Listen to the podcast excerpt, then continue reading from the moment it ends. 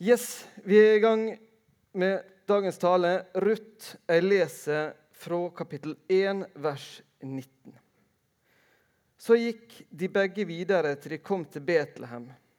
Da de kom frem dit, ble det stort oppstyr i byen pga. dem, og kvinnene sa, 'Er dette Nomi?' Men hun sa til dem, 'Kall meg ikke Noomi, kall meg heller Mara.' For den veldige har gjort livet meget bittert for meg. Rik dro jeg bort, fattig har Herren latt meg vende tilbake. Hvorfor kaller dere meg Noomi når Herren har vitnet mot meg, og når den veldige har latt det gå så ille med meg? Slik vendte Noomi hjem, og svigerdatteren, moabittkvinnen Ruth, fulgte med henne tilbake, Mo, tilbake fra Moabs sletteland. De kom til Betlehem da bygghøsten tok til. Noomi hadde en slektning på sin manns side, en mektig og velstående mann av Elimeleks slekt. Han het Boas. En dag sa Ruth, moabittkvinnen, til Noomi, la meg få gå ut på åkeren og samle kornaks hos en som vil vise meg velvilje. Hun svarte, gå du, min datter. Så gikk hun ut på åkeren og sanket aks etter åndefolkene. Det traff seg slik at åkerstykket tilhørte Boas, som var av Elimeleks slekt. Nettopp da kom Boas fra Betlehem. Han sa til åndefolkene, 'Herren være med dere.' De svarte han, 'Herren velsigne deg.' Boas spurte oppsynsmannen over åndefolkene, 'Hvem hører denne unge kvinnen til?' Oppsynsmannen svarte, 'Det er den unge moabittkvinnen som fulgte med Noomi hit fra Moab.' Hun ba la meg få plukke og sanke aks mellom kornbåndene etter ondefolkene. Hun kom i dag tidlig og har stått her helt til nå. Bare en liten stund har hun vært inne og hvilt. Da sa Boas til Ruth, hør min datter, gå ikke for å sanke aks, an, gå ikke og sanke aks på noen annen åker. Gå ikke herfra, men hold deg til tjenestejentene mine. Hold øye med hvor på åkeren åndefolkene arbeider, og følg etter dem. Jeg vil si jeg vil si fra til karene at de ikke skal røre deg. Og blir du tørst, så gå bort til krukkene og drikk av det som tjenestefolkene øser opp. Da kastet hun seg ned med ansiktet mot jorden og sa til ham, Hvorfor ser du på meg med velvilje og tar imot meg enda jeg er en fremmed? Boas svarte henne, Mer enn én en gang har de fortalt meg om alt du har gjort for din svigermor etter at mannen din døde. Du forlot din far og din mor og ditt fedreland og dro til et folk du ikke kjente fra før. Herren skal lønne deg for det du har gjort.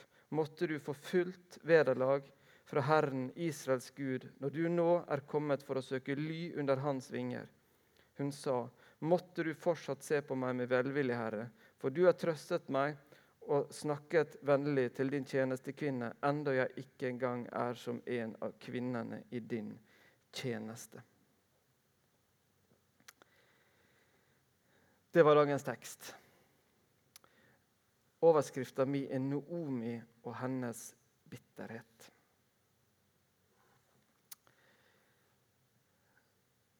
Fangenummer 46664. Sier det noen av dere noe? Det er ikke B-gjengen i Donald. Det er heller ikke Donald Trump, som har hatt seg noen turer innom i det siste. Kanskje noen av tenker at det må da være Paulus eller Silas, sier det pastoren som spør. Men det er ikke det heller. Er det noen som er god historie? Det er Mandela. Helt riktig. Nelson Mandela sitt fangenummer. Nelson Mandela satt 27 år i fengsel for å ha kjempa mot apartheid i Sør-Afrika. Tenk 27 år i fengsel. 18 av dem på den isolerte øya Robben Island utenfor Cape Town. Tenk hvor mye han kunne ha gjort i løpet av de 27 åra. For landet, for folket, men også for seg sjøl Tenk alt det han ikke fikk oppleve, som vi kan se på som en sjølfølge. Tenk alle de sommerferiene. Han satt bak lås og slå. Tida han ikke fikk være sammen med barna sine. I en tale kort tid etter han kom ut fra fengsel, så sa han noe veldig i fall Det imponerer meg veldig. Da sa han da jeg gikk ut døra mot porten som ledet til min frihet, visste jeg at dersom jeg ikke lot bitterheten og hatet ligge igjen, ville jeg for alltid være fengslet.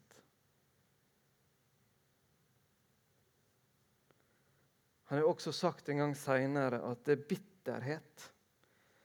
Det er som å, som å drikke sjøl drikke gift og håpe at de skal ta livet av fiendene dine.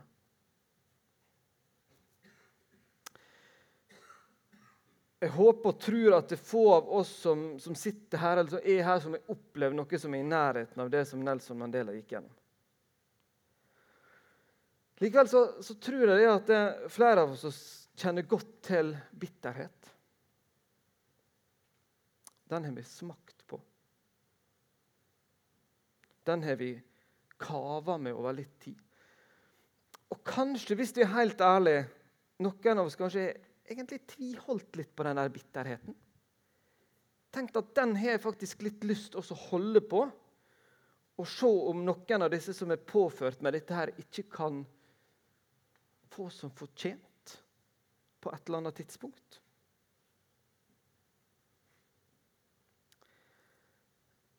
Fra min synsvinkel så er jeg blitt urettferdig behandla flere ganger gjennom livet.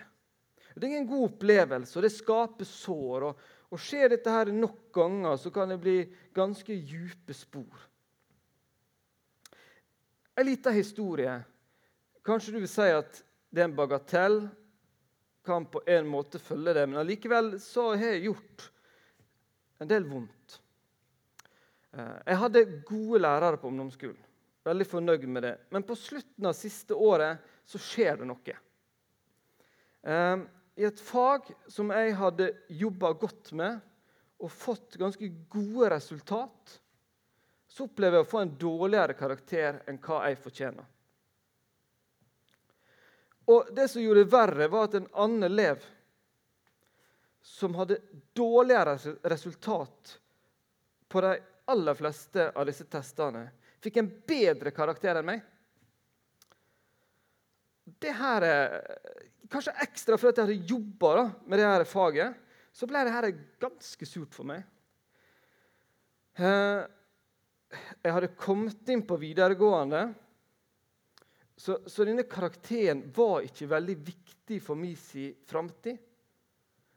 Men det var skikkelig surt. Det kosta meg ganske mye energi og oppmerksomhet å tenke på det. I mange år så gikk jeg og ergra meg på folk. Hva var det egentlig som skjedde der? Jeg tenker at Det var et eller annet som jeg kanskje ikke forsto, men surt var det. Denne læreren min har sikkert ikke tenkt på denne episoden siden våren 97, men har tatt ganske mye plass i mitt hode. På et tidspunkt så måtte jeg bare bli enig med meg sjøl at nå legger jeg dette bak meg. Det, det klarte jeg. Syns det er ganske godt. Jeg, jeg, blir ikke sint og sur når jeg tenker på det i dag. Men, men det var sånn en ganske lang stund. Og ingen av oss som er her inne i dette rommet, her, kommer gjennom livet uten noen sår. I større eller, grad, større eller mindre grad så kommer vi til å måtte gå gjennom noen vonde opplevelser. Men spørsmålet vårt i dag er hva gjør vi med det?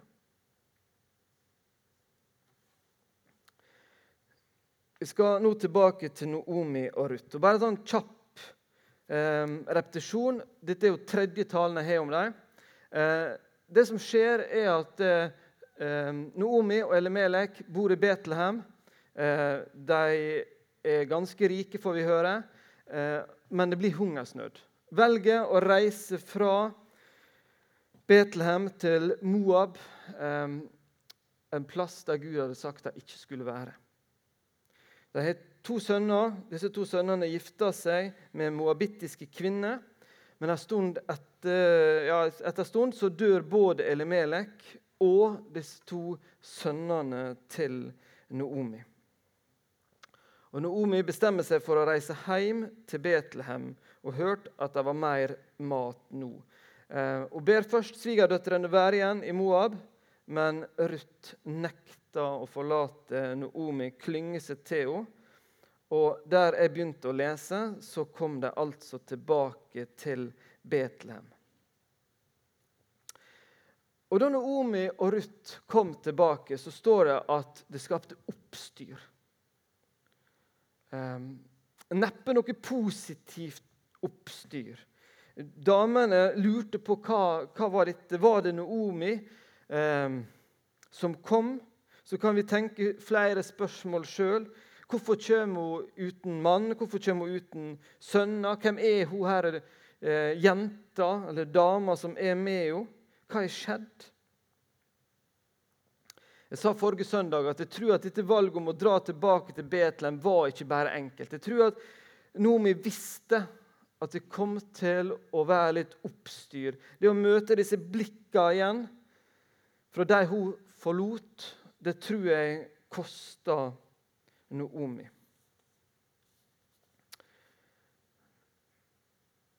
Det var mye hvisking og tisking i det de kommer inn. Og så møter Noomi dem med ganske sånn tøff, ganske tøffe ord. Kall meg heller Mara. Den veldige har gjort livet meget bittert for meg. Rik dro jeg bort, fattig har Herren latt meg vende tilbake. Hvorfor kaller dere meg Noomi når Herren har vitnet mot meg, og når den veldige har latt det gå så ille med meg? Nomi hadde ikke det godt. Det var tydelig at hun anklaga Gud for, at, for å ha straffa henne. Hun er bitter. Det skal gå omtrent eh, ei ukes tid å gå fra Moab og tilbake til Betlehem. Så altså, Det er bare ei uke siden at Ruth klynga seg til Naomi. nekta å, å forlate Hun Viste henne en fantastisk godhet gjennom å gjøre det. Når vi møter Naomi her, så ser det ut som hun har glemt at noen har vist henne så mye godhet. At hun har opplevd noe som var uventa. Det er de vonde opplevelsene som tar desidert størst plass i Noomi sitt liv akkurat her.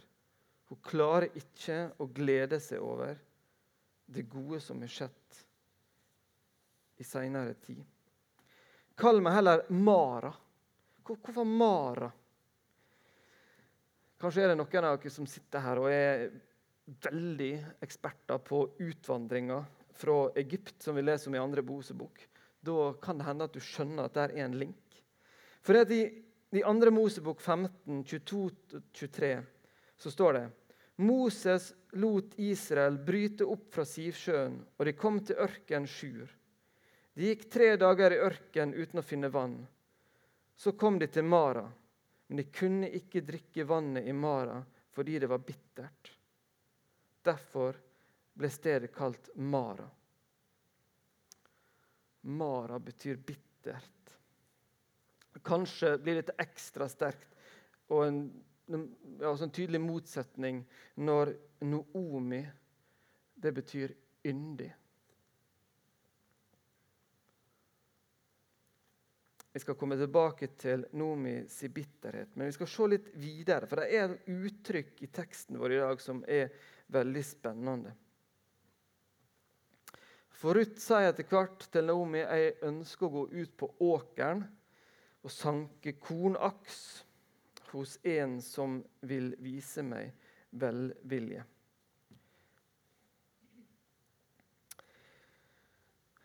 Jeg må si jeg blir stolt av å tilhøre Bibelens Gud.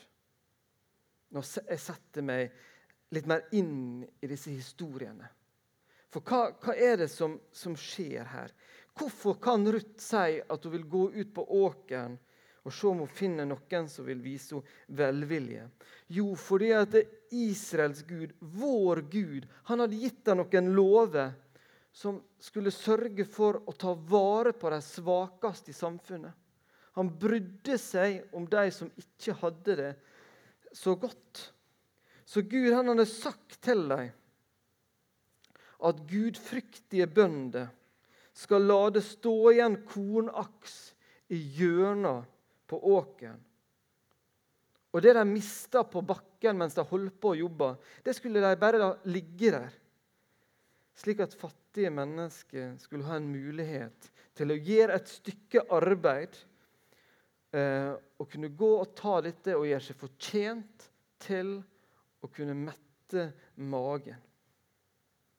Vi leser at dette var bygghøsten. Det var den første, eh, det første kornet de høsta. Det var det viktigste innhøstinga for fattige mennesker. Eh, mest sannsynlig omtrent april var det her det skjedde. Men som jeg sa, for at Guds ordning skulle fungere, så måtte det være gudfryktige menn. Og Vi leste her i det tredje verset i kapittel to hvordan Boas hilser på folket sitt. Og så ser vi at det står det traff seg slik at åkerstykket tilhørte Boas. Det traff seg slik at åkerstykket tilhørte Boas. Ruths bok er en bok om menneskets valg, om Guds inngripen. Og det, det, står ikke 'og så sendte Gud Ruth til denne åkeren', eller 'Gud greip inn og plasserte Ruth der'. Sånn forteller ikke Ruths bok. Men Ruths bok er gitt oss for at vi skal se hvordan Gud har en finger med i det her. Det traff seg slik. Gud har en finger med i spillet. Gud ønsker at Naomi og Ruth skal få det godt. Det er ikke Guds vilje, det vonde som har skjedd i Naomi sitt liv. Heller, Vi skal ikke prøve å finne en mening i det vonde som er skjedd i Naomi sitt liv. Det skal vi også slippe i våre liv. Det er mye som skjer som vi ikke har mening med. Men i vanskelige situasjoner så kan Gud gripe inn og hjelpe oss å finne en vei ut. Hvis vi hopper tilbake til israelsfolket i Mara. Hva skjedde der?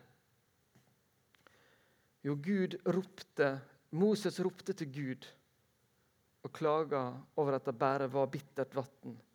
Da sørga Gud for at Moses fikk se et tre, så han tok opp, kasta ut i vannet, og vannet ble godt.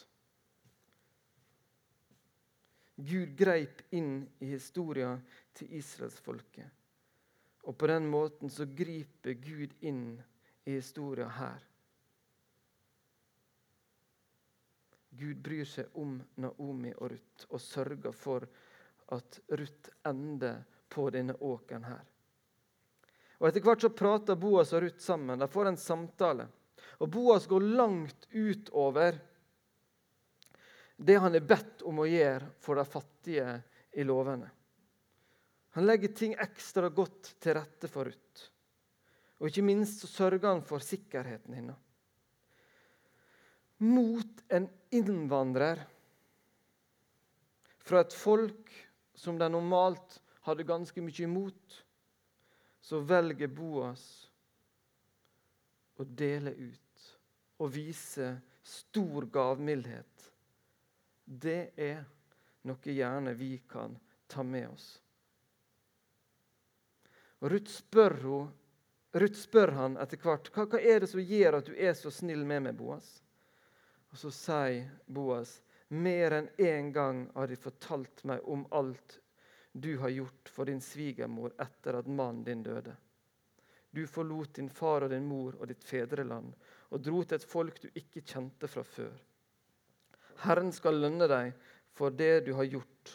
Måtte du få fullt vederlag fra Herren, Israels Gud, når du nå er kommet for å søke ly under hans vinger. Først så skapte det oppstyr at Ruth kom gående der sammen med Naomi. Og så så vi at etter en liten stund så var det trufastheten til Ruth som tydeligvis hadde blitt snakkisen i Betlehem.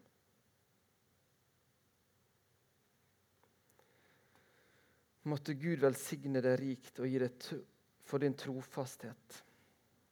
Å søke ly under Guds vinger er et uttrykk vi finner mange ganger i Bibelen. Kanskje ekstra ofte finner det i, vi det i salmene. Når vi så forrige søndag at Ruth sier 'Ditt folk er mitt folk, og din Gud er min Gud', så sier Ruth 'Jeg ønsker å søke ly under dine vinger, Israels Gud'. Og vår Gud han støter oss aldri vekk. Han ønsker å samle flest mulig under sine vinger. Det er frelsens vinger. Det er framtidens vinger. Det er der trygghet er å finne. Da Ruth sa farvel til egen kultur, tradisjon og ikke minst familie, så sa hun altså ja til å komme under disse vingene. Gud ga Mos Gud ba Moses kaste treet i vannet i Mara, og vannet kunne drikkes. Gud leda Ruth til Boa sin åker, slik at hun kunne sørge for mat både til seg sjøl og Nomi. Det er godt mulig at Nomi ennå ikke hadde klart å se disse store velsignelsene. Hun forlot tross alt Betlehem rik. Det å akkurat klare seg nå var kanskje vanskelig å se at dette var Guds velsignelse, at dette var Guds inngrepen. Men for vi som sitter og ser dette etterpå, kjenner historien videre, så kan vi se det. Kanskje enda en stund så holdt hun denne bitterheten tett til brystet.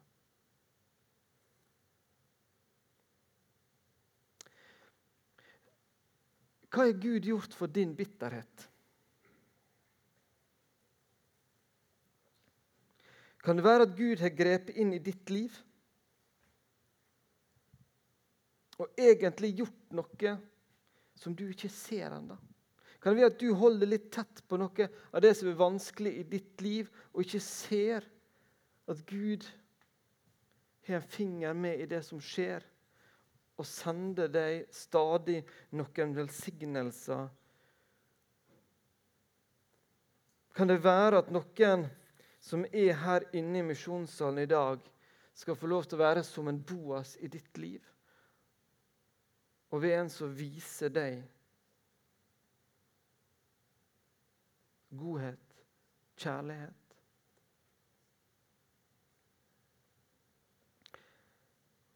Vi skal få lov til å bruke Ruths bok til å kunne si med sikkerhet at Gud ser deg.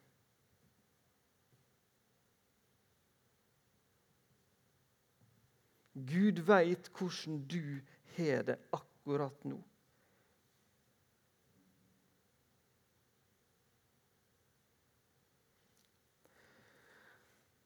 Og Kjenner du at det er bitterhet som gnager mest hos deg nå? At det tar stor plass i livet ditt? Så håper jeg at du er klar for å gjøre noe med det. I Hebreabrevet 12 så sier faktisk Bibelen til oss at dette med bitterhet det er noe vi trenger å ta tak i det kristne fellesskapet. Det er faktisk noe som kan skade det kristne fellesskapet. Du og jeg har helt sikkert blitt urettferdig behandla. Noen av oss mer enn andre. Og Kanskje sitter du og kjenner på sinne og bitterhet ved god grunn. Likevel så er dette noe som skader deg mer enn de som har påført deg denne smerten.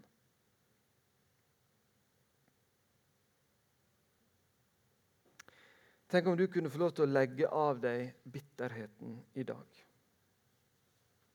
Noen har sagt at bitterhet kan være som om at blod ikke får reise rundt i kroppen vår. Stoppe opp blodet. Andre har sagt det kan være som å kvele oss. Det er ikke sikkert at det er gjort på fem minutter å bli kvitt dette. Kanskje trenger du å jobbe med det en stund. Kanskje trenger du å ta dette fram, løfte det opp sammen med noen andre, snakke om det, jobbe gjennom det en stund, for så å kunne klare å lukke de dørene skikkelig. Kanskje trenger du en konkret handling. Kanskje kan du gå i ei fjøre i ettermiddag, ta en stor stein og bare kaste uti og sagt at nå ønsker jeg å legge dette av meg. Kanskje du vil komme hit til misjonssalen en dag der det ikke er så masse folk finne et eller annet, kanskje en stein, gå fram her, legge det med korset og så bare si Nå, Jesus, så legger jeg dette her til deg. Nå er dette ditt. Du har sagt i ditt ord at det beste du veit, er å få lege det som er blitt vondt. Gi godt igjen det som er blitt vanskelig. La denne delen av Ruths bok få være et vitnesbyrd til deg og meg om at Gud handler utenfor det vi ser.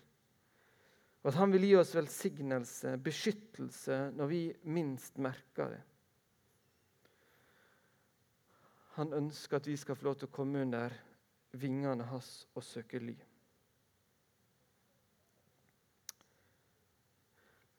Mandela fikk sin frihet. Israelsfolket fikk sin frihet. Jeg fikk fred fra denne karakteren på ungdomsskolen. Og Naomi fikk etter hvert sin frihet. Hva gjør